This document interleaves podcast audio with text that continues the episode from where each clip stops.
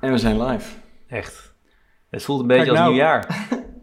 En dan eh, Alleen als zonder vuurwerk en oliebollen. ben ik heel benieuwd naar wie we, wie we moeten zwaaien. Ja. Ehm, maar eh, daar zijn we weer, jongens. Vorige week eh, even een weekje geskipt. Fuck-up van de week.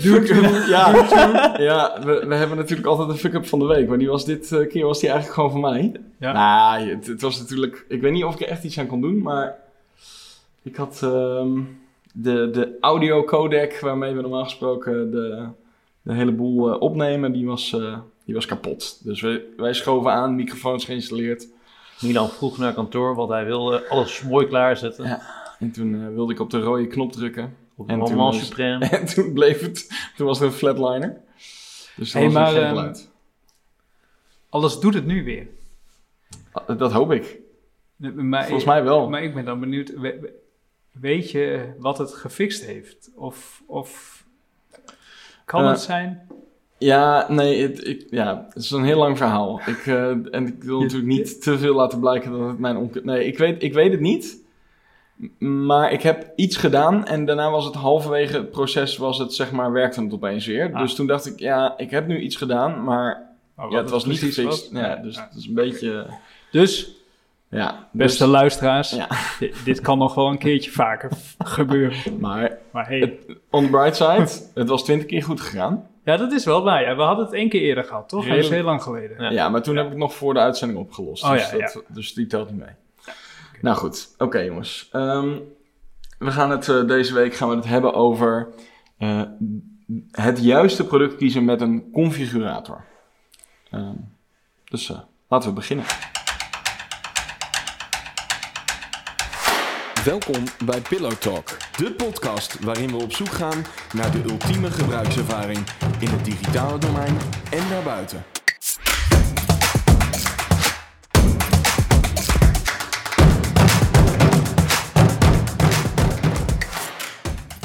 Ik ben eh, Milan van Brugge, mede-eigenaar en accountmanager bij Pixelpillow en host van deze podcast. En mijn naam is Joël Cox en ik ben verantwoordelijk voor de techniek bij Pixelpillow en ook mede-eigenaar.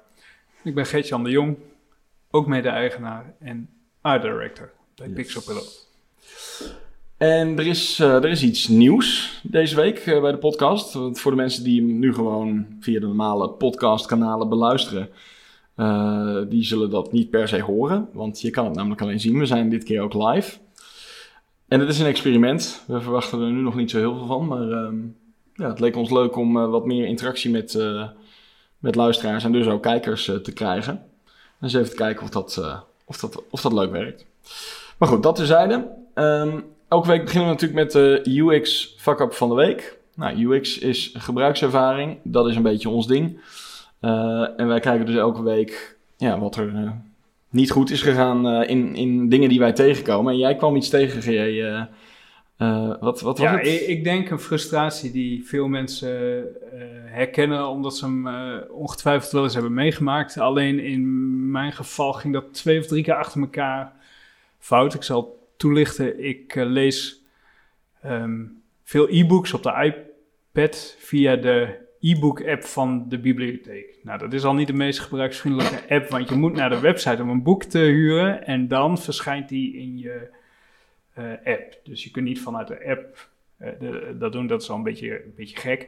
Ik heb altijd bij die app, ik bedoel, het is super goedkoop natuurlijk, maar Ja. ik heb altijd het gevoel dat je zeg maar in plaats van moet je op een andere manier betalen. Door echt te laten zien dat je, het- dat je dat boek echt wil lezen, zeg Ja. maar.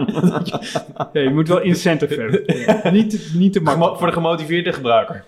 Maar goed, ik, ik zat in die apps, hebben een aantal apps, hebben ook een een luisterboek-app. En ik zat in die app en toen kreeg ik een grote melding in beeld dat, ehm, dat die apps vervangen worden door één app. Ze hebben dus die luisterboek-app en de e-book-app, daar gaan ze één app van maken. Misschien nog een app erbij, dat weet ik niet. En eh, daar kreeg ik een melding van in beeld dat dat vanaf zoveel oktober zo zou zijn. En dan denk je, in die melding zal dan wel een linkje zitten dat je kan klikken naar die nieuwe app. Maar daar was het, hè? Gewoon een melding, ook heel groot, visueel. Maar je kon nergens naar doorklikken. Dus ik dacht, nou, dan ga, ik, dan ga ik maar zoeken, hè? Dan ga ik zo- zoeken naar de, dus ik zoek naar die app. In de App Store moeilijk te vinden. Naar de bibliotheeksite. nou, uiteindelijk kom je dan eh, via via bij eh, een of ander persbericht en daar stond een linkje naar de App Store. Ja, Henk die dacht gewoon, ik heb het issue opgelost. ja, Dit was wat ze vroegen. ja, Het staat er. ja, gefixt. Ja. Vervolgens, ik die eh, nieuwe app installeren en ehm, dan moet je inloggen met eh, de bibliotheek, werkt met een pasnummer. Het is een hele lange code en een wachtwoord wat je ooit zelf hebt aangemaakt. Dus nou, ik, dat, eh, ik naar mijn paswoordmanager en eh, ik wil dat hele lange pascode in het veld plakken. Maar je kan niet plakken in dat veld. Oh. Dat mag niet, hè?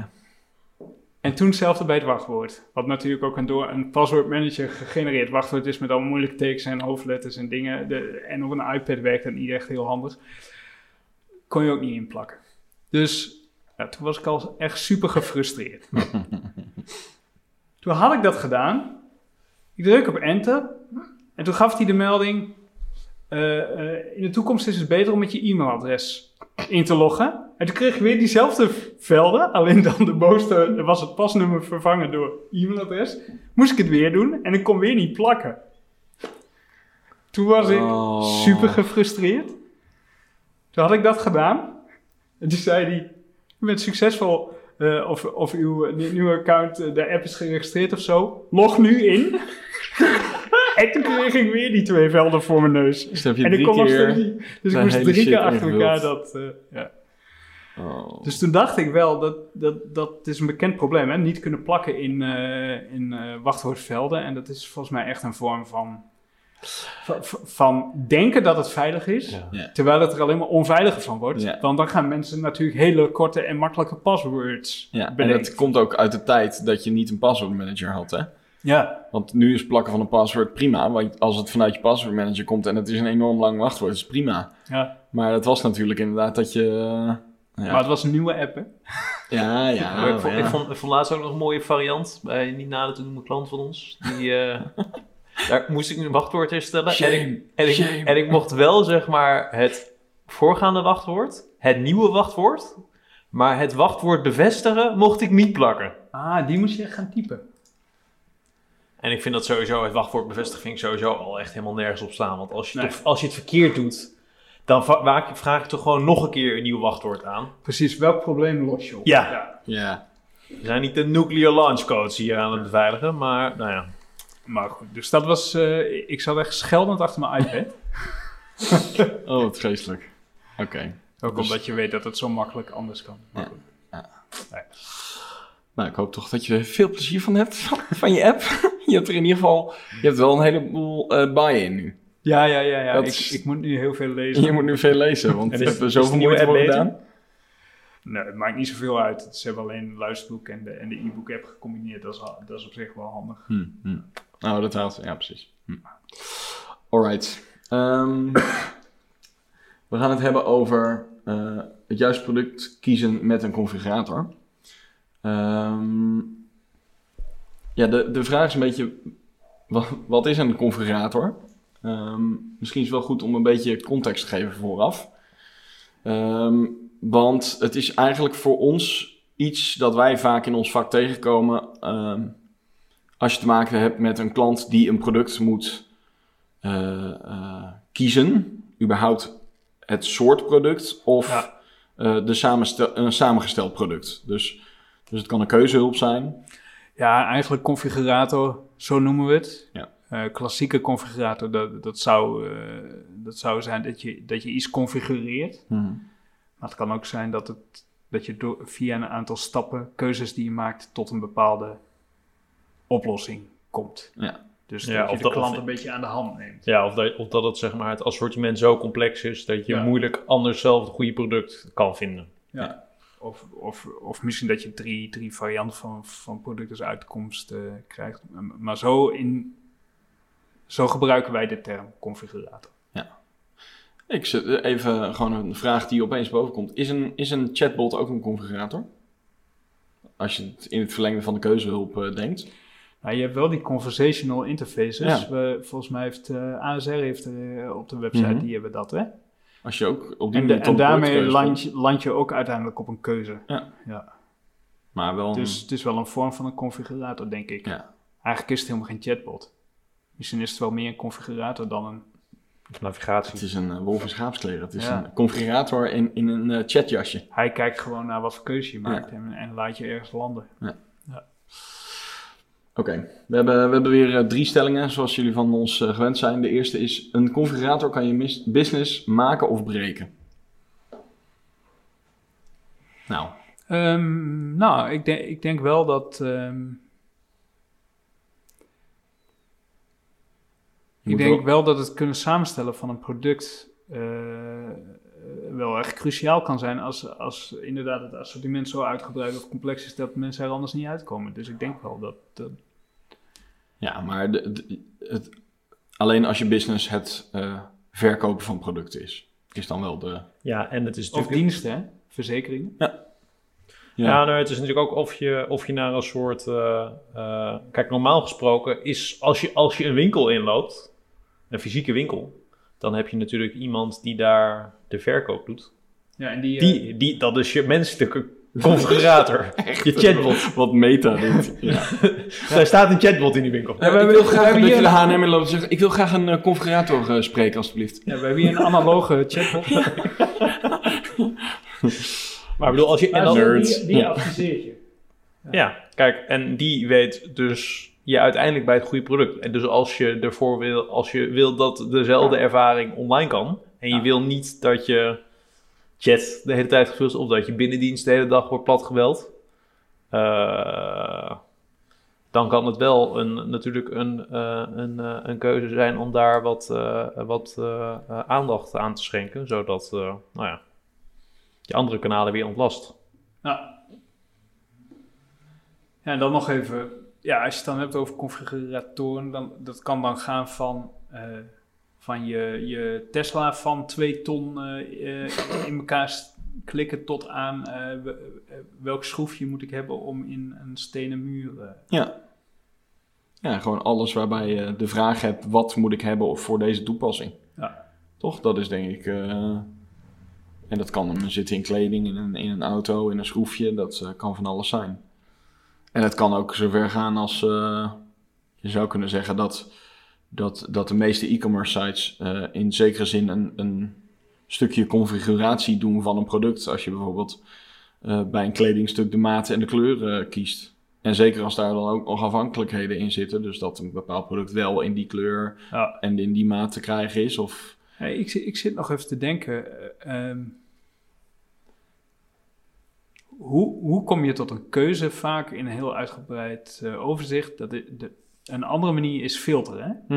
Ja, dat is, precies een- hetzelfde. Je hebt een bak en dan vink je dingen aan. En die configuratoren is eigenlijk zijn het gewoon filters. Ja. Alleen bied je die veel lineairder aan, stap voor stap. ja, het is inderdaad eh, en met, met vaak een, een bepaalde volgordelijkheid Ja. en afhankelijkheid. Dus filters zijn natuurlijk, kunnen ook afhankelijkheden in zitten. Want je kan bepaalde filters wel toepassen bij het hele aanbod, maar misschien niet als je een andere filter al hebt geselecteerd. Ja. Maar het is een andere manier van dat presenteren, denk ik ook. Je Ja. neemt mensen meer bij de hand. ja. Oké. Ja, Maar dus het kan, is- kan, kan het je business maken of breken als je dan ook die stelling hebt? Nou, ik denk, ik, als, Ik denk als, dat het wel conversie kan opleveren. Ja, ik- meer, meer, meer, meer sale. Nou ja, kijk, kijk naar eh, de, de, de keuzehulp die we nu voor, voor eh, Kunst op Plaatshop eh, hebben gemaakt en die online staat. Ja. Vanmorgen toevallig, dit is niet alleen maar een mooi verhaal, maar toevallig wilde ik vanmorgen weten wat voor materiaal je op een bureaublad kan, kan leggen. En nou, dan ging ik naar de toepassing in die keuzehulp en bureau en dan kreeg ik daar producten die je erop kon toepassen, blogartikelen die er van, van invloed op zijn, die er Ja. relevant voor zijn. Bladgoud. Dus bladgoud was, vond ik net iets te duur. En niet heel duurzaam. Maar het, het, het helpt je dus, denk ik, wel echt. eh, ik vind het super handig. ja, dat het helpt dingen. echt ik, heel erg. Ik kijk ook, je moet de bron een beetje vertrouwen, denk ik. Maar bij, bij een Coolblue of zo, daar hebben ze ook van die keuzehulp. Nou, denk ik, oké. Ja. Ik, Ja, ik- Geef ze een advies. Het, het zijn wel echt twee, toch wel twee verschillende producten of twee verschillende dingen in de zin van je hebt een assortiment, daar Ja. word je geholpen. En anderzijds heb je dus maatwerk waar je dus verplicht bent om de configurator te gebruiken om tot iets te komen. Toch? Anders kan je online geen product bestellen. Ja, zoals het drukwerkdeal bijvoorbeeld bij, Mhm. ehm, bij ehm, Of je Tesla. Ja. of je Tesla. Als ja. je de configurator niet kan invullen, krijg je nooit een auto. Nee. Nee, is niet, nee, Nee, maar- dit is niet een default. Dan zit je nog steeds in de configurator, toch? Ja, dan moet je nog steeds je keuze maken. Nee, dat klopt. Alleen, het, het is wel in... Kijk, misschien zijn filters niet één op één, maar het is wel in het verlengde van een keuzehulp. Dus er- zit een soort onderscheid in of je mensen helpt bij de keuze voor het product. En vervolgens, kijk, je kan bijvoorbeeld geholpen worden met filters of keuzehulp naar een bepaald product. Bijvoorbeeld een, een broek. En op de, op de pagina van die broek kun je vervolgens nog zeggen dat je de, de blauwe, de zwarte, de grijze wil in welke maat. En dat is dan de configurator. En, en dat is denk ik het onderscheid. Alleen, ehm, ja, als je hem zeg maar gewoon een beetje... eh, ja, die, die keuzehulp zit er wel vaak... Ja, die is wel onlosmakelijk verbonden vaak met het product. Dus het is er vaak allebei. Of één van twee is er. Ehm, maar het is volgens mij, als je dat goed doet... Ja, dan heb je gewoon... eh, het zit hem heel erg in, in een soort van... ehm, een beetje ook in de, in de servicehoek. Vooral zo'n keuzehulp. Is natuurlijk heel erg eh, fijn voor een klant. Als je mensen helpt, dan eh, voorkomt keuzestress. Ja. Daar worden mensen blij van. Ja. Er is een positief gevoel over je merk. En met mazzel bestellen ze er ook nog iets. Oké, dus eh, ik denk dat we kunnen zeggen dat, dat, het- dat het zo is. Ja, ik bedoel, je Ja. kan, het, het is echt wel van groot belang dat je, zeker als je producten verkoopt, dat je daar een goede configurator keuzehulp bij kiest. Ehm, de, de tweede stelling is dat je configurator altijd mobile first moet zijn. Nou, kijk even naar Gert-Jan. Want- van waar deze stelling? nou ja, van, waar- waarom niet? Ja, ik bedoel, eh, volgens, mij, volgens mij merkten we zelf bij het ontwerpen van configuratoren dat het, het is een best lineair proces, vaak, wat je doorwandelt. hmm. Dus begonnen we vaak mobile first, omdat je dan een beetje gedwongen wordt tot een lineair proces. Maar we kwamen al snel tot de conclusie, je hebt meerdere typen configuratoren. Je hebt de, de, de keuzehulpen, die eigenlijk, eh, nou wat we net zeiden, eh, je zoekt steeds eh, nauwer maken, waardoor je uiteindelijk op een goed product uitkomt. En je hebt de visuele configuratoren, die, waarmee je vooral een beeld kunt krijgen van hoe het er in het echt uit gaat zien. Ja. Dus een Tesla configurator, dus denk een visuele configurator en die, die laat een mooi 3D-rendering van een Tesla zien en eh, als je dan bijvoorbeeld de kleur van de velgen aanpast, zie je dat in die 3D-render. Dus dan d- dus ook een beetje beleving en het Ja. lekker maken. En eh, je kan dan gewoon lekker mee gaan lopen klooien, je eigen auto een beetje pimpen. Ja. En dan erachter komen dat je dat niet kan betalen en dan wil je alles eraf halen. En, Toch? Dat, dat is een beetje hoe het dan werkt.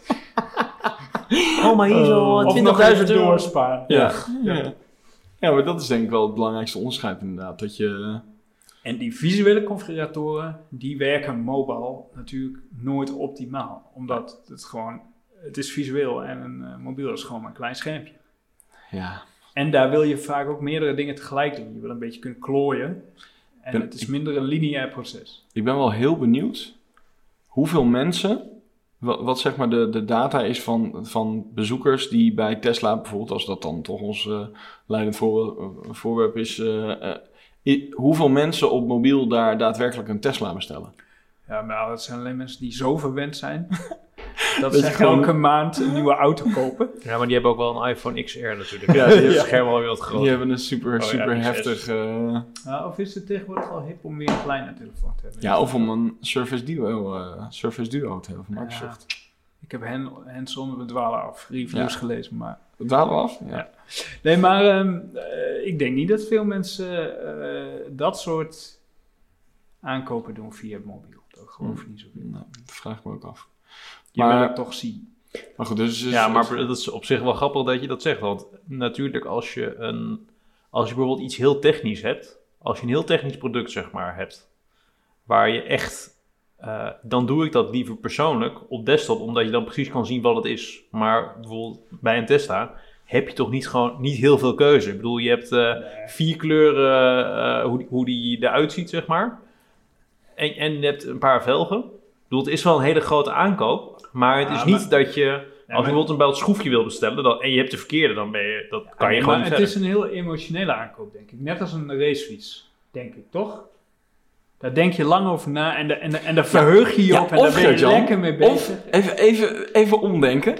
Of is een Tesla misschien juist super stoer voor die, die mensen die dan een Tesla bestellen? En zeggen, ja, nee, ik ga even een Tesla bestellen. En dat je dan ja, je ja, mobiel dat- pakt en ja. dat je hem dan besteld hebt. Ja, dat is wat ik zei, dat wel- zijn de heel verwende Ja, mensen. ja, maar misschien zijn... die eh, ik wil niet alle Tesla-rijders over één eh, kam scheren. En dan, dit gaat natuurlijk niet over lease, zeggen, hè? ik koop gewoon blind een Tesla, want het gaat mij om het milieu. Ja, Ja.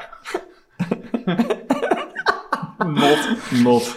Nee, maar, oké. eh, nee, maar een fiets dan, eh joh. Ja, de- ik heb mijn fiets in de winkel gekocht twee keer, jij online. Ja, maar, ja, maar ik ga dan wel online. Nou, ik moet, ik moet zeggen, ik heb eh, de Canyon site bijvoorbeeld. De, Een mooie site. Een vette site. Ja. En daar, ja, daar word je echt wel eh, lekker gemaakt voor zo'n fiets, ja. Ik haak even af voor. Maar dan kon je niet zoveel fietsen. kiezen hoor. Ik, ja, ik kon twee kleuren kiezen volgens mij. En, maar ik denk wel, ja, ik denk dat van die, van die emotionele aankopen, of, ja, iets, eh, dat je jezelf echt een cadeau geeft, want Mhm. dat is het een beetje, ja, dan ga je dat wel op een desktopscherm doen, denk ik. Maar ik, vind het wel, ik vond het grappig dat je het had over een emotionele aankoop. Terwijl iedereen natuurlijk bij Tesla. Wat, die- die koop je gewoon online een auto. En de grootste emotionele aankoop, zeg maar, na een huis. Ja. Die koop je Ja. volledig online. En nu is het, is het op de desktop, is het zeg maar emotioneel. Ja, ja.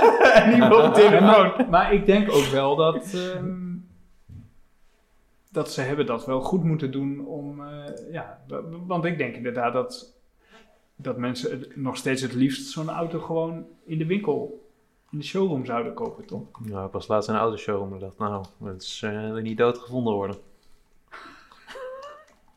Van die grintegels. Ja, van, van het hele nare, van dat netmarmer. Ja. En dan van die airco die dan zo staat te ronken en dan, ja, zo'n zo'n bureau zeg maar wat daar dan staat in de... Dan maar een visualisator. Ja, dan doe mij maar een visualisator. Heb je die verkoper ook niet de hele tijd die aan je komt vragen, weet je? Oké, maar eh, eh, jij zegt eigenlijk, Jan, een goede configurator hoeft niet mobile first te zijn. Het he- hangt heel erg af van, go- goh, een nuance in, de, in onze podcast, wat leuk. Ja, Eh, wat voor het type... ja, het hangt af van type. Ja, maar, maar ik vind wel, eh, als je zo'n keuzehulpachtige configurator hebt, dan is mobile first beginnen best handig. Alright. Ehm, stelling 3. Visuele configurators of configuratoren. We zijn er nog steeds niet helemaal achter wat nou de, de meervoud, eh, meervoud van eh, moet zijn. Maar eh hebben bijna geen conversie, maar dat hoeft ook niet.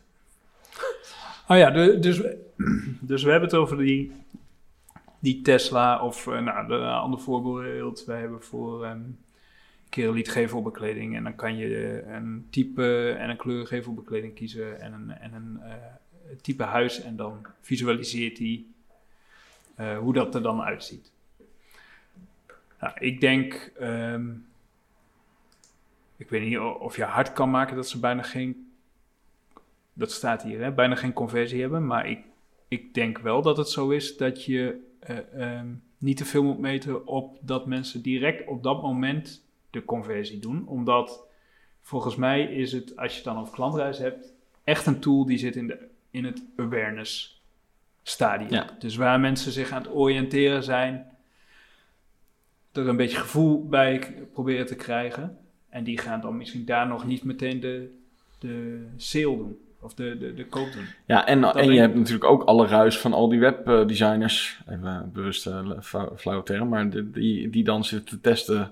Uh, die naar configurators Ja, ja, kijken ja, ja, en ja. dan alles invullen en het dan niet kopen. Nee. Dat vervuilt hun statistieken natuurlijk Nou, ontzettend. ik denk dat ik per ongeluk wel op kopen heb gedrukt. Want ik kreeg eh, vrijdag een envelop van Kerliep met een stukje kleurmonster. Oh, ik dacht even dat je het over Tesla had. Die, die hebben we allemaal liggen.